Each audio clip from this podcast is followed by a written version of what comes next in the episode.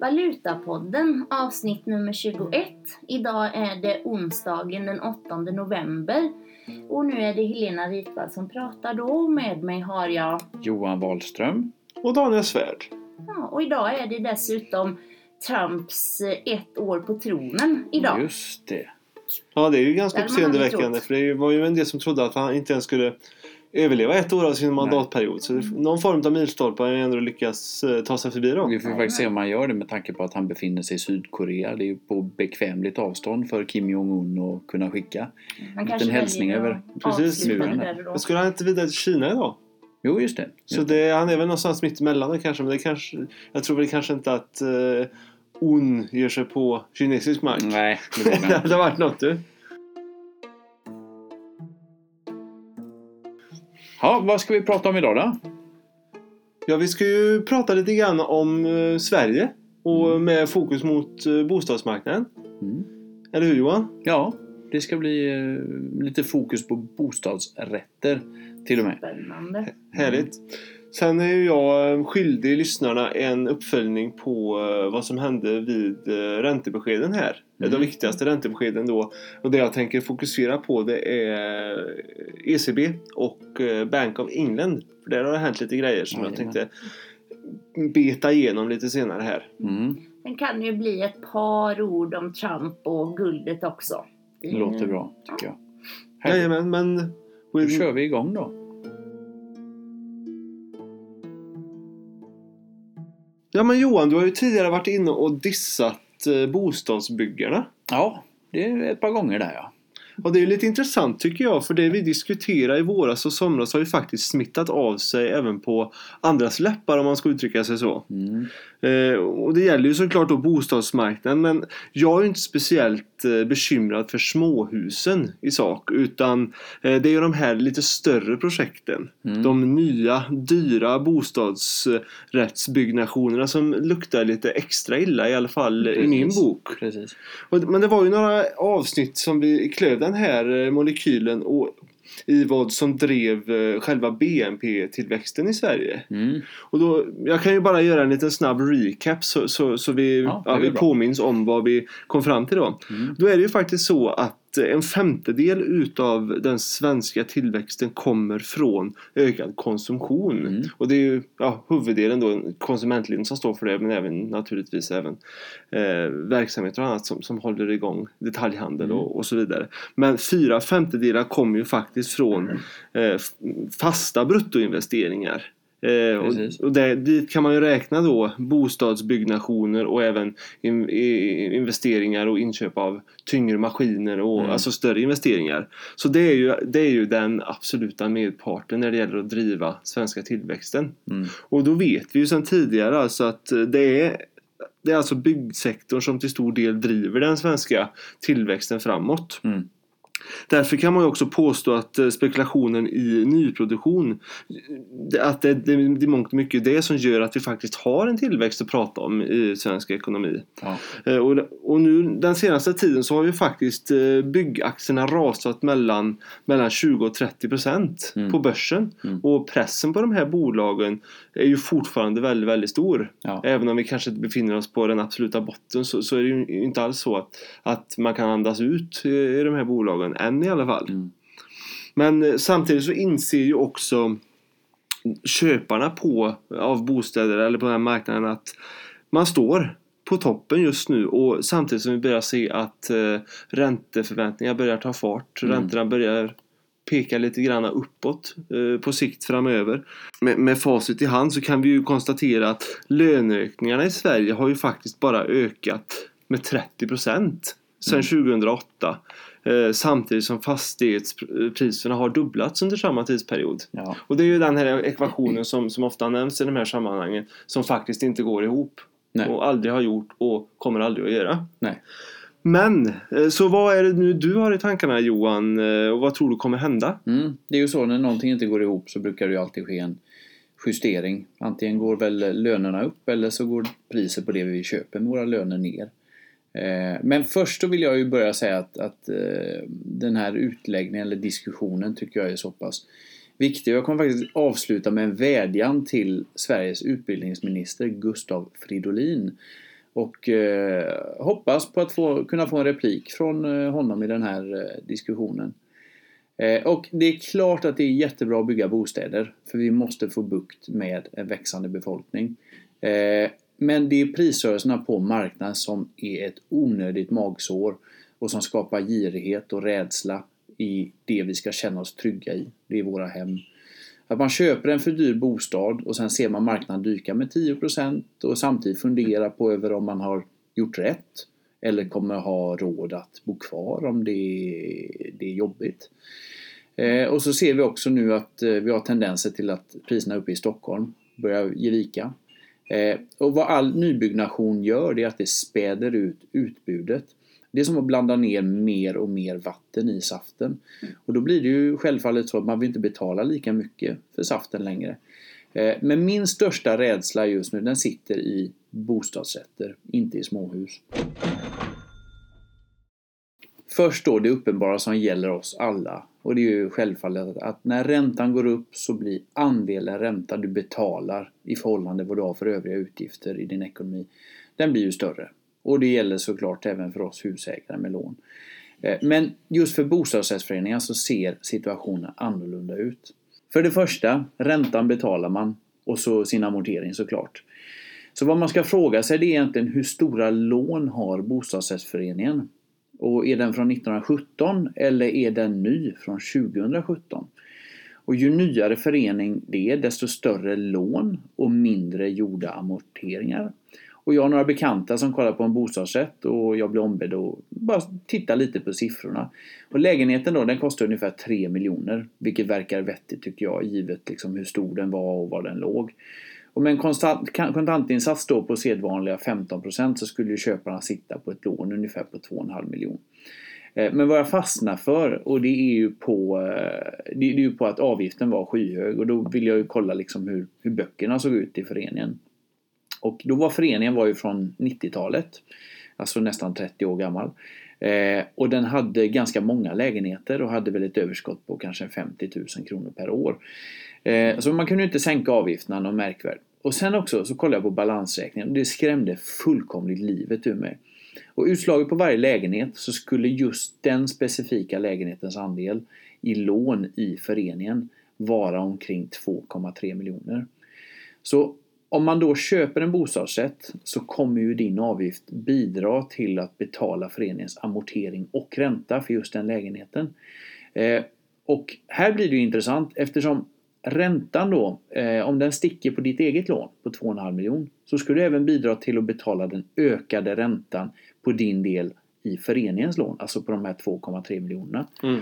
Så, så, i själva fallet så har du fått betala 3 miljoner för en bostadsrätt eh, där du ska finansiera lån och amorteringar på 4,8 miljoner. Det vet inte alla om. Det är, alltså det är skrämmande. Jag har också stött på det här men eh, det är som att mäklaren utgår ifrån att man är naiv och ja. bagatelliserar hela grejen. Så vad, vad är nästa poäng? Eh, nästa poäng är att, att jag, jag, pratade om det här med, eh, en som hade köpt nyproduktion och, och vederbörande skruvar ju rätt obekvämt på sig när man kom in på de här grejerna. För det, det var ju uppenbart att den informationen inte hade fastnat hos vederbörande som köpare. Eh, sen kom jag tyvärr eh, in på en annan grej som gav ett extra litet pip eh, och som är värd att ta upp här. Och det är ju, jag anser ju att det här är moraliskt inkorrekt och ett lagligt bedrägeri faktiskt. För att vid nyproduktion så har du en massa kostnader som ska bokföras. Och krasst sagt, vid alla stora investeringar kan och ska du inte dra av byggkostnader på en och samma gång utan du kostnadsför lite i taget i flera år för att inte blåsa sönder resultatet fullständigt. Plus att staten vill ju kunna få eh, se dig redovisa lite vinst så att de kan få in lite skatt eh, ifall du skulle råka gå i konkurs längre fram.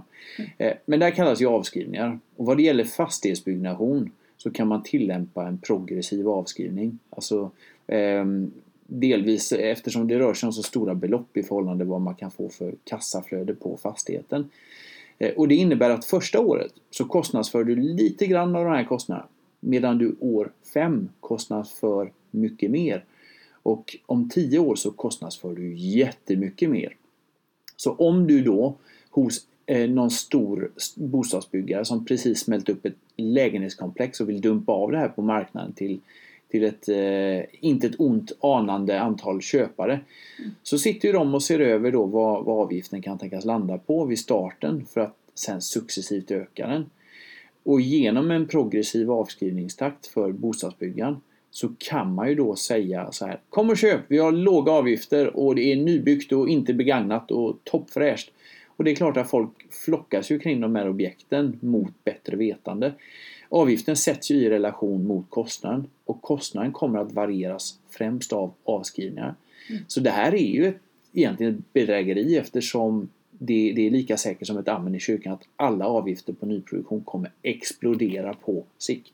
Ja men precis, och det har ju till och med förekommit att eh, man helt slopar avgifter för att locka till sig eh, mm. köpare. Ja. Vilket är ja, ännu mer tvivelaktigt i så fall. Det är, jag tycker det är skamligt faktiskt för mm. alla har ju inte just de här kunskaperna. Nej, nej. Eh, och, det är därför vi finns. Ja precis. Men du vill ju, du vill ju även prata om eh, ja, populärt uttryckt amorteringsfällan. Precis. Vi hade Lyxfällan innan, nu har vi amorteringsfällan. Ja det är ett nytt tv-program på gång kanske. Det är amorteringen, det är, det tredje punkten här. Det är alla som amorterar på sina miljonlån med några tusen lappar i månaden just nu. De, de kanske tror att det här kommer fortsätta i samma takt. Men vad som bekymrar dem egentligen det är en eventuell räntehöjning.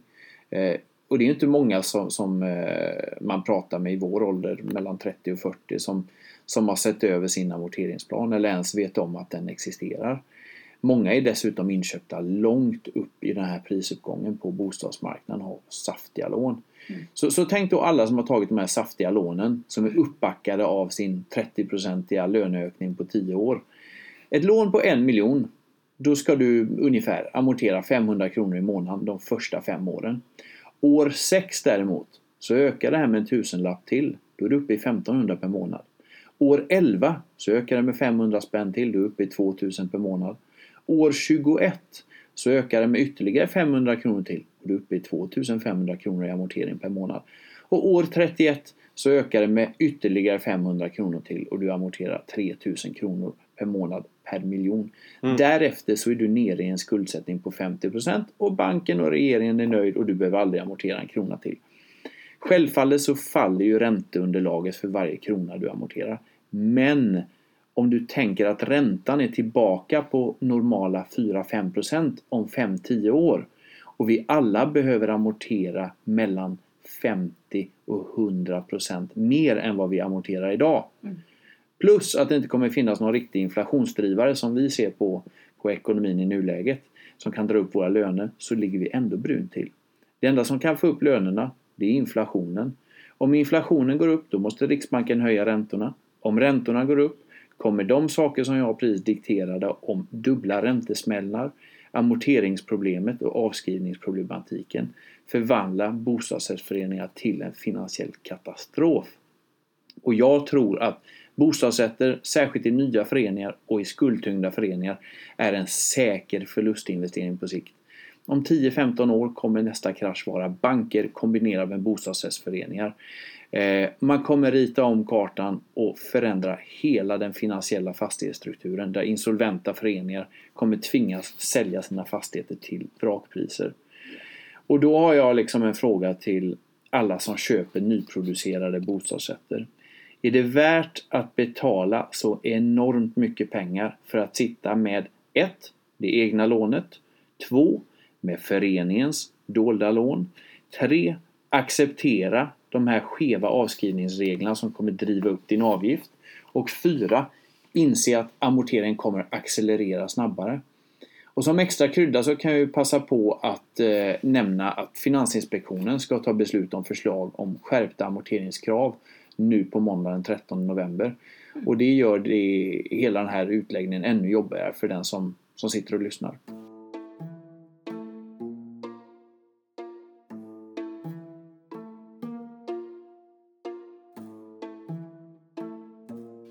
Ja, nej, helhetsbilden när du målar upp det verkar ju inte vara någon riktig sweet spot. Nej. Men Johan, vad har du då för eh, vädjan till eh, de svenska politikerna?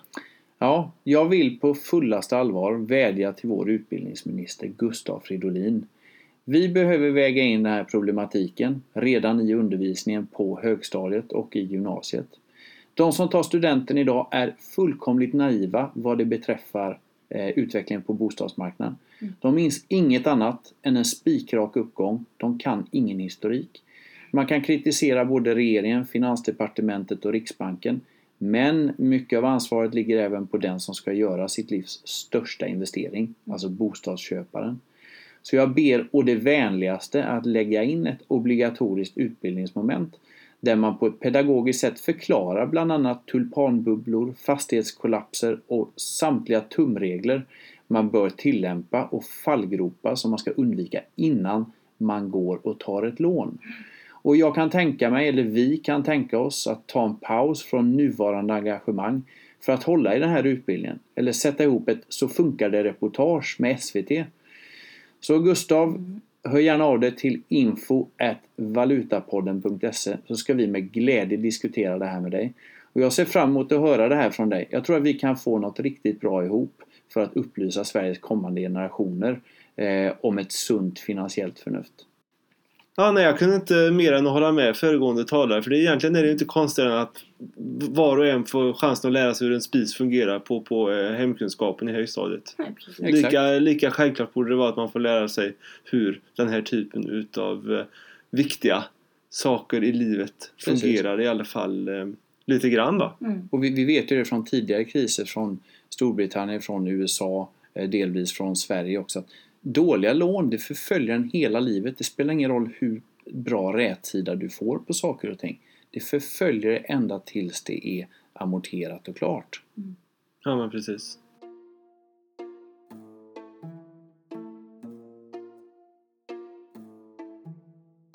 Vi har fått en del intressanta ränte och policybesked eh, från de viktigaste centralbankerna här eh, sedan förra poddavsnittet. Eh, Daniel, jag tänkte kan inte du dra det viktigaste därifrån och låt oss börja med ECB, den som var den 26 oktober. Absolut, det, det kan vi försöka men vi, vi, vi snackar ju upp det lite grann eh, så att säga inför Mm. de här räntebeskeden under förra poddavsnittet för knappt två veckor sedan. Så det är väl inte mer än rätt att avkräva mig på lite grann om vad som faktiskt hände. Och då kan vi börja med den stora, stora europeiska björnen. Mm. ECB som eh, är en oerhört, eller den allra, allra viktigaste centralbanken i Europa. För eh, det är många som får valsa efter deras pipa på centralbankssidan. Och inte minst vår egen lilla riksbank som eh, ofta Mm. benämner ECB som en stor elefant som ibland sprutar vatten på en liten svensk krona eller en liten svensk centralbank. Så den stora elefanten eh, har faktiskt fått i sig rätt så mycket vatten i snabel den här gången och är redo att fortsätta spruta utöver finansmarknaderna. Eh, och det var ju som vi diskuterade senast. Eh, stimulansprogram, trycka pengar-program. Eh, CD-pressen går varm.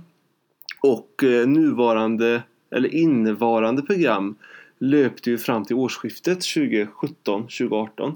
Mm. Och nu bestämde man ju, eller lät meddela att man kommer att förlänga eh, trycka pengar-programmet. Men med en, i en, man kommer att trycka pengar eller köpa tillgångar för en mindre summa varje månad än vad man har gjort tidigare. Eh, rådande takt är ju att man köper för 60 miljarder euro per månad och efter årsskiftet så kommer det att bli 30 miljarder euro per månad istället. Så stimulanstakten halveras. Eh, och eh, Sen så kom, låter man meddela att man kommer att göra det här i ytterligare nio månader. Mm. Så från januari nästa år fram till slutet på september då, rimligen. Så man lägger på. Mm, Det blir totalt eh, 270 miljarder euro som man kommer att, att köpa europeiska tillgångar för. Mm. Så det, det är bra. Men eh, utöver det så eh, slog ju även eh, ECB-chefen Mario Draghi an en väldigt, eh, väldigt duvaktig ton vid presskonferensen. Ja. Eh, och marknadsreaktionerna lät inte vänta på sig utan eh, euron fick, eller har fått sen det här beskedet rätt ordentligt med pisk. Mm. Och det har att göra med eh, det mantra som Draghi ofta använder sig av. Så trots att tiden går, trots att eh, USA har höjt styrräntorna eh, flera gånger nu här senaste, senaste året, ett och ett halvt året, så, så står ECB och stampar. Och det enda man gör det är att förlänger sin stimulansperiod. Mm. Eh, och ti- tiden går. Och efter varje, eller vid varje presskonferens så säger han fort, fortfarande att räntorna i eurozonen kommer hållas låga, ehm, låga eller alltså på nuvarande eller lägre nivåer eh, tills, att, tills att man har avslutat sitt stimulansprogram. Mm. Och så när man då förlänger med, med som det var nu senast då tre kvartal så, kommer, så flyttas det ju tre kvartal på framtiden tills man kommer Alltså det blir ännu längre fram till man faktiskt kommer börja höja Ja. styrräntan. Så att eh, det är ganska, ganska klart att man eh, att man laggar efter. Mm. Eh, laggar efter eh, USA och Fed helt enkelt. Mm. Eh, och det blir ännu mer, eh, det blir ännu mer uppenbart eh, ju mer tiden går. Mm. Och med det här perspektivet då så kan man ju säga att vi kan ju inte förvänta oss att eh, styrräntan i eurozonen kan börja höjas förrän runt årsskiftet 2019. Nej. Nej. Så det, det ligger vi, då ligger de ju till och med en bra bit framför vår egen svenska riksbank Mm. som återupprepar då att man tänker sig börja titta på en första räntehöjning i mitten på 2018. Mm. Och det, det uppmuntrar jag Ingves och kompani att ta tag i också. Inte, inte vänta på den stora europeiska elefanten utan eh, våga, våga springa före Mhm. eh, när det gäller det. För det, annars så får vi, kan vi få väldigt stora problem eh, i, i den svenska ekonomin. Som vi, Vi, vi når ut till både regeringen och Riksbanken i ett och samma avsnitt. Mm. Lika bra att ta alla på samma gång. Ja men precis, här är vi inte, vi är inte blyga så. Men samtidigt då, för det, alla vet ju hur det har sett ut i eurozonen historiskt. Man har haft väldigt, väldigt stora problem eh, med skuldsättning på statsnivå. Ja. Och jag behöver inte gå igenom alla länder som har haft problem och fått hjälp med Det är bara att säga gris. Pig- Gris, pigs. pig. Ja, Portugal, Portugal, Irland, Grekland och Spanien. Ja, just det. Nej, men det, det har varit många turer där och det har varit väldigt många nödlånepaket och hjälp i, Ja. i mångmiljard euroklassen under, ja, ända sedan 2010 och, och fram tills idag. Och bara för att det inte rapporteras så betyder inte det att skuldproblematiken inte finns Nej, kvar. nej. Tvärtom. Men und, det som har gjort att det inte längre diskuteras som ett fullständigt sammanbrott i eurozonen Mm. det är ju just den Europeiska centralbankens agerande och att man faktiskt har lyckats från ECBs håll och, och, och skapa ett på nytt, alltså på nytt skapa ett förtroende för den europeiska ekonomin och Ja. eurozo- eurozonen då som företeelse. Så, och jag, jag menar på det att eurozonen är fortfarande det enda, enda riktiga klistret som håller samman eurozonen. Mm. För det, det, är inte, det är inte de europeiska politikerna eller Nej. det som görs reformhåll från, eh, från, från Bryssel eller någon annanstans som, som håller samman eurozonen utan det är fortfarande, fortfarande ECB som, som, ehm, som håller, håller, ihop, eh, håller ihop saker och ting. Och eh, det är ju så att man får en så länge det är så så, så, så finns kommer det ju finnas en känsla av trygghet och en mer stabil eh, europeisk finansmarknadsutveckling än vad vi annars hade sett. Ja, det är ju väldigt populärt och alltså, obligationsmarknaden i Europa är ju fantastiskt bra för att man vet ju köper du italienska statspapper nu så jag ska inte säga att det är en garanterad vinst men du vet ju varför de går upp. Det är för Mm. att ing, det finns inga tyska papper att köpa, eh, köpa längre för alla är köpta. Och eh, de italienska är de enda som ger lite ränta och du vet att eh, Europeiska centralbanken står bakom och puttar kursen uppåt lite hela tiden. Så det det är Ja, nej. väldigt stabilt och populärt. Men så, är det, så blir det ju. Jag menar, de har ju inget val. Nu har de annonserat Nej. att de ska köpa för en viss, en viss volym varje månad och då får man ju köpa det som finns och, och köpa så att säga. Ja. Är det slut på tyska papper då får det ju bli eh, italienska. Mm. Eh, Och sen kanske till och med blir något annat om de om du skulle börja ta på de italienska. Det är väl i och för sig lite det är väl inte så nära men eh, man vet ju inte hur länge de har tänkt sig Det finns att- rätt många italienska. Jo, det gör det, men man vet inte längre om man har tänkt sig att köra det här heller. nej. För att de här nio månaderna, det är på inget sätt slaget i sten. Man säger, man säger samtidigt att eh, programmet kan, eh, kan komma att förlängas eller ökas i omfattning om det Mm. skulle behövas. Så att det är på inget sätt så att eh, september nästa år, att det med nödvändighet är slut. Mm. Utan man kan, man kan alterera det här, eh, förlänga det eller öka på eh, med stimulanser Mm. under tiden om, om, man tycker att det skulle behövas. Men just, just, just för att ECB agerar då sammanhållande shit för, för, för Europa och EMU så, så, ehm, så blir ju de en maktfaktor eh, på finansmarknaderna i Europa och det också det skapar en, en trygg, eh, trygghet, en stabilitet som inte annars hade funnits. Nej. Och det är det som jag, som jag då kan man säga att alltså deras agerande, att de trycker väldigt mycket nya euro och, och stimulerar väldigt mycket, det talar emot euron. Mm. Och, och att de agerar maktfaktor så, för ökad stabilitet som inte annars hade funnits eh, agerar ju positivt tryck på euron. Mm. Så det är lite den här vågskålen, man får se vilken, vilken vågskål är tyngst. För även analytikerkåren här är väldigt splittrad. Det finns, finns, finns en, en falang av analytikerkåren som menar på att det finns fortfarande utrymme för euron att fortsätta stärka sig mot dollarn eh, upp en bra bit över 1,20. Mm. Och andra som menar att den stärkning vi har sett nu, nu, räcker det för den här gången. Eh, Så, så det, är, vi får, det är bara att följa med och se vad som, vad som sägs och vad som händer. Men euron hamnar ju kraftigt under press här efter, efter eh, senaste räntebeskedet. Vi har Ja. sett att eurodollarn har fallit ner, fallit ner från eh, nivåer kring 1,18 handlas idag runt 1,16. Ja. Och det är ännu enklare för oss då här i Sverige att se det är att titta på hur svenska kronan utvecklas. För när euron går ner, då går svenska kronan ner. Mm. Och det har just med det sambandet som jag inledde här med att, göra. Så, eh, och nu har vi dollarn uppe på nästan 8,40 här igen. Mm. För, från att ha tidigare varit en, ja, en rätt bra bit under, under 8 kronor faktiskt. Det har så gått fort. så det, det går fort.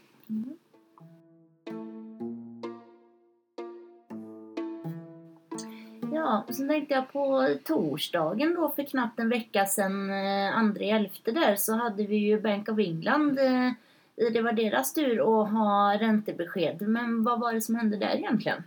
Ja, vad var det som hände där egentligen? Det var ju en Mhm. historisk händelse faktiskt. Eh, Mm. Bank of England låter meddela att man för första gången på ett decennium höjer styrräntan. Man höjer då alltså från en kvarts procent till en halv procent. Och där har man ju legat länge tidigare. Det är värt en applåd. Absolut.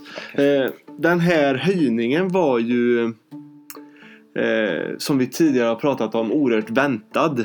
Eh, och också därför eh, närmast helt och fullt redan inprisad i det brittiska pundet. Mm. Så det, var, det har vi fått en hel del frågor om. Man har fört diskussioner med, med, med kunder och annat också. Att hur, hur kan det komma sig att pundet går ner så kraftigt när centralbanken faktiskt höjer räntan för första gången på tio år? Mm. Och det är ju, det är för jag förstår frågan. Eh, men då, då, ska man ju ha, då ska man ju ha med sig att ehm, det är ju just det framåtblickande som spelar roll här. Mm. Eftersom eh, ränte, räntehöjningen redan var inbakad så, så är det ju vad som sägs om framtiden som, eh, som, blir, som blir kursdrivande då så att säga. Va? Precis. Och eh, röstningssiffrorna den här gången eh, 7-2, alltså sju stycken utav nio ledamöter som röstade för att eh, den skulle höjas. Och eh, det var ju också just av den anledningen inte ens tight. Mm. Utan det var ju en bra, bra marginal för, för, för att kunna gå igenom med den här, Mm. eh, den här räntehöjningen.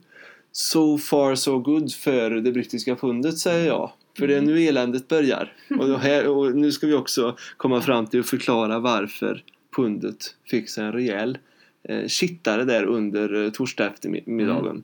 För om vi tittar, vi kan ju, bara- jag kan ju bara nämna det, kursutvecklingen så som det var.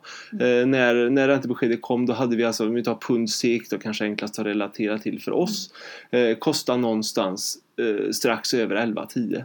Eh, 11-10, 11-12 någonting. Mm. Eh, och eh, dök ner under, ja, det tog väl inte stort mer än en och en halv timme. Eh, en bra, en, alltså några öre under 11 kronor. Mm. Så hoppa ner en 15-20 öre. Eh, Ja. Och det är väl kanske inte den, den reaktionen som man... eh, Nej, inte på en höjning. Nej precis, för det var ju första reaktionen från, från din och min sida när vi satt och följde det i realtid. Ja. Eh, vad, vad fan hände? Hö, höjde de inte räntan? Ja. Och sen så, jo det gjorde de. Men samtidigt så låter man ju meddela då att ehm, eh, man ser det här som en isolerad händelse. Man, ska, eh, alltså, man kommunicerar att det här ska inte ses som början på en serie höjningar. Utan Nej, eh, one and done. Eh, man gör en höjning och sen man, man nöjer sig med det helt enkelt.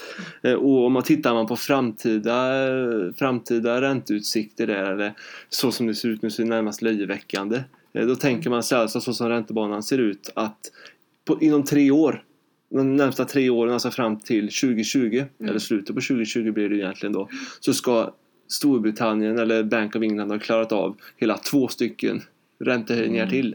Så det, det är inte, om vi snackar om att, eh, ja vad heter det, Fed har höjt fyra gånger på ett år och kommer att göra så kanske ytterligare eh, fyra till inom ett, ett och ett halvt år så, så går det ju ganska sakta för Bank of Englands Ja, del. pundet är ju underläge mot dollarn i det långa perspektivet också kan man ju säga. Mm, precis.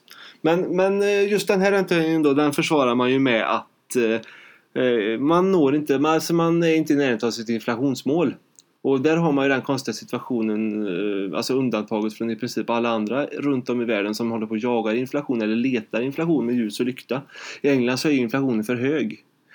Den har legat alltså i storleksordning 3 under, under den senaste tiden och eh, man använder nu den här ränt- räntehöjningen för att försöka få bukt med höga inflation och få ner den mot målet kring, kring 2 Mm. Eh, och eh, nyckel, nyckelpunkterna då som, som var från presskonferensen det var ju att rådande inflationsutsikter för Storbritanniens, Storbritanniens ekonomi är mycket oroande. Och därför är det vettigt att agera just med, med räntehöjning så som man gör, eh, gjorde.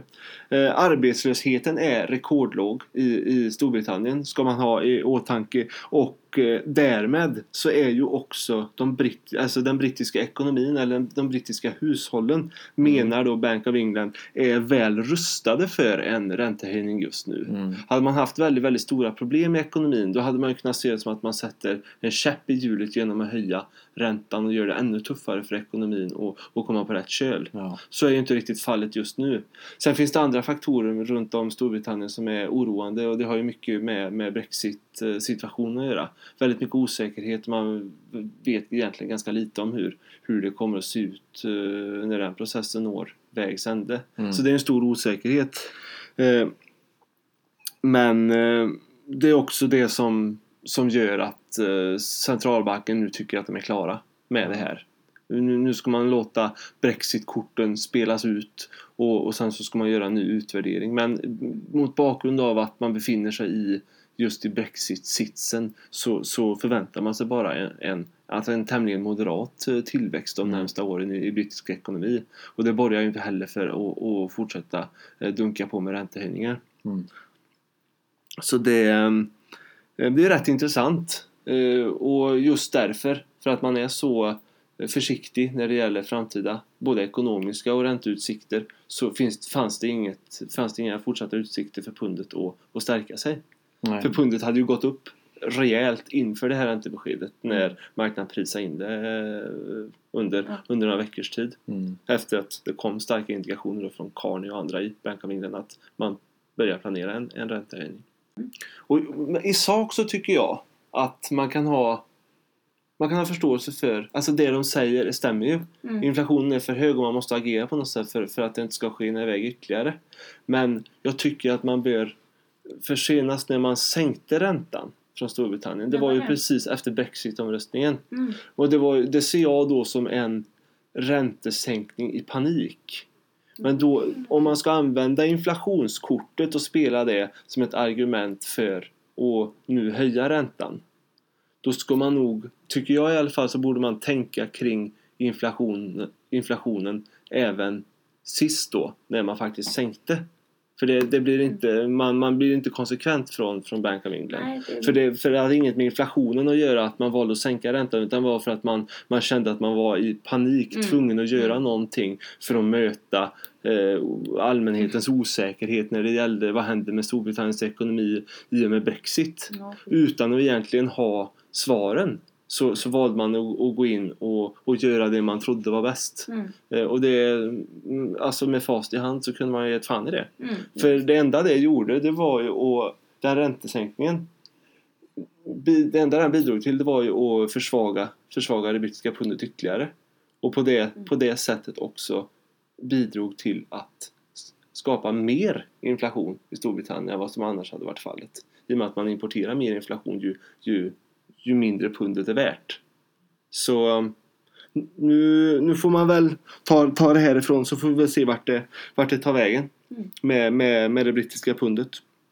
Men eh, det här agerandet, eh, det riskerar ju att man, man, man, man sticker ut hakan lite, lite grann från Bank of England eh, och utsätter sig för en risk att få kritik ifall det blir så att eh, det här, den här räntehöjningen ändå, ändå inte fungerar. Att inflationen blir fortsatt hög och eh, det enda man lyckas med i så fall det är ju att orsaka medborgarna högre lånekostnader. Mm. Mm. Man måste ju också få med sig lönetillväxten. Annars så är, blir det ju ne- mer negativt för medborgarna än, än vad som annars har varit fallet. Precis.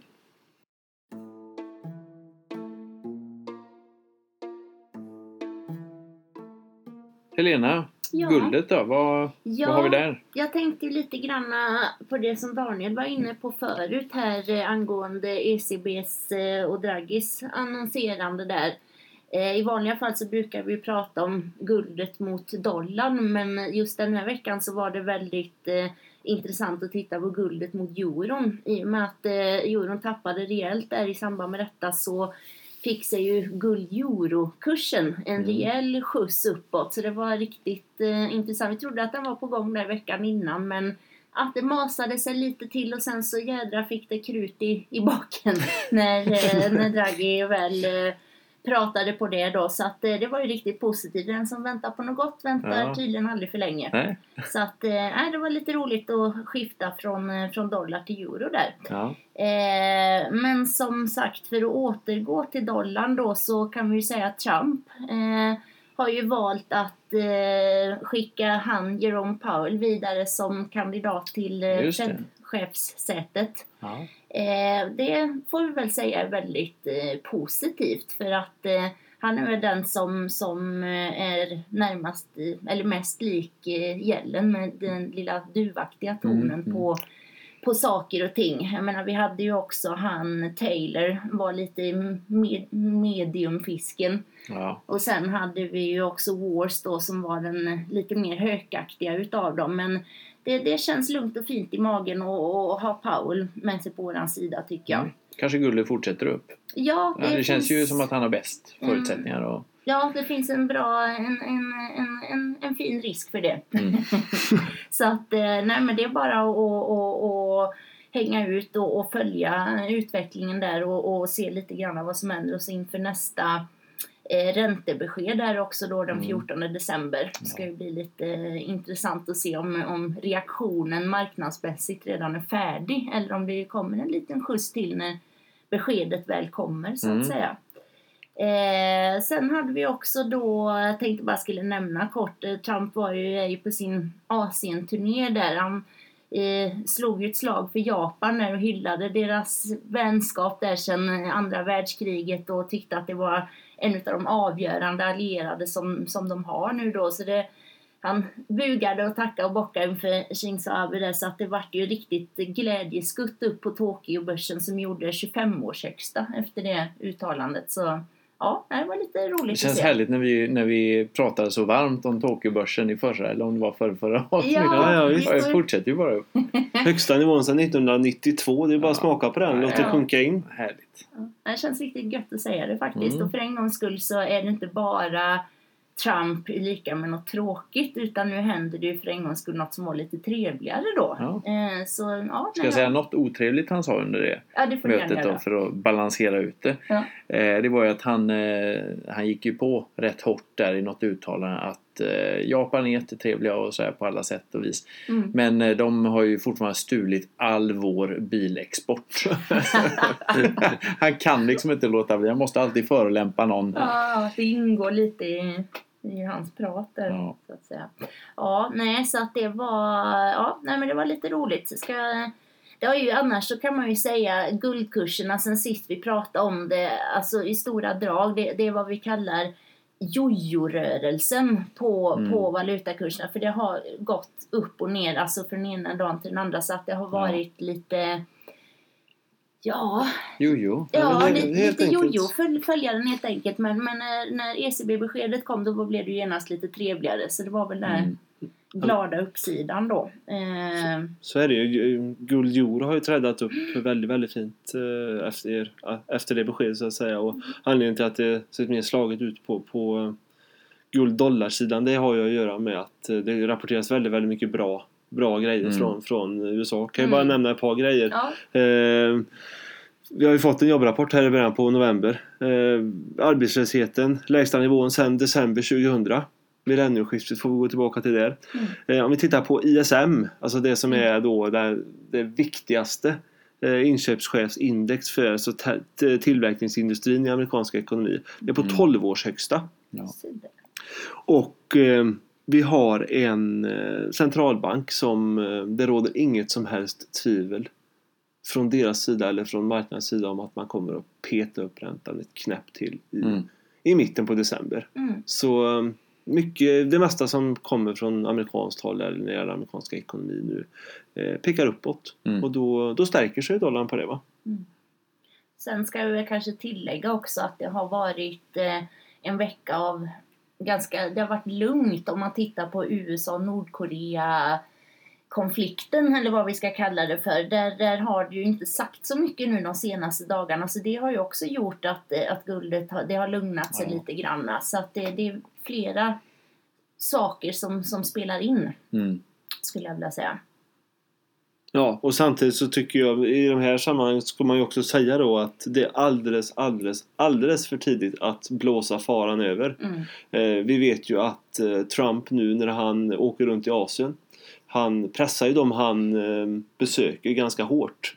Att han vill se en mer styvnackad hållning när det, när det gäller Nordkorea-frågan Mm. och eh, han, nu är han ju på väg då som vi var inne på här i början, någonstans mellan Sydkorea och eh, Kina då va? Mm. Och eh, allting pekar ju på att han kommer ställa rätt så tuffa krav på eh, Han har ju sagt det tidigare att när han kommer till Kina så ska han kräva att man ska utöka de ekonomiska sanktionerna mot Nord- Nord- Nordkorea Mm. och han vill att eh, den kinesiska regimen ska, ska bli Alltså vara delaktig och meddela eh, Lillebror Nordkorea det, det, det, det meddelandet.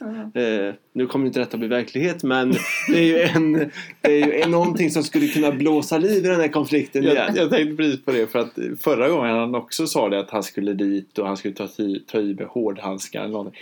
Han gjorde ingenting. Nej, Han tog inte upp det han sa att han skulle ta upp.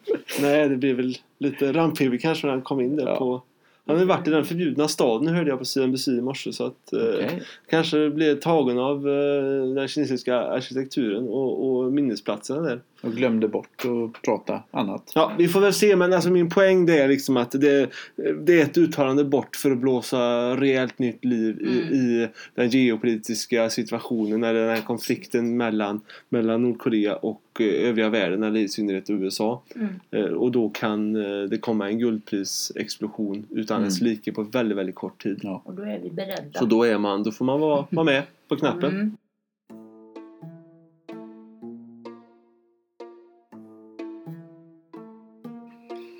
Jättebra, men då var vi väl vid vägs ände här idag. Mm. Eh, och eh, det är väl inte mer än att uppmuntra de som har lyssnat och att eh, komma med frågor, funderingar, förslag på ämnen. Och då kan man ju antingen komma, komma i kontakt med oss via Twitter, Valutapodden, via vår Facebook-sida, eh, Valutapodden, eller via e-post info valutapodden.se. Mm. Och med det så tackar vi för oss.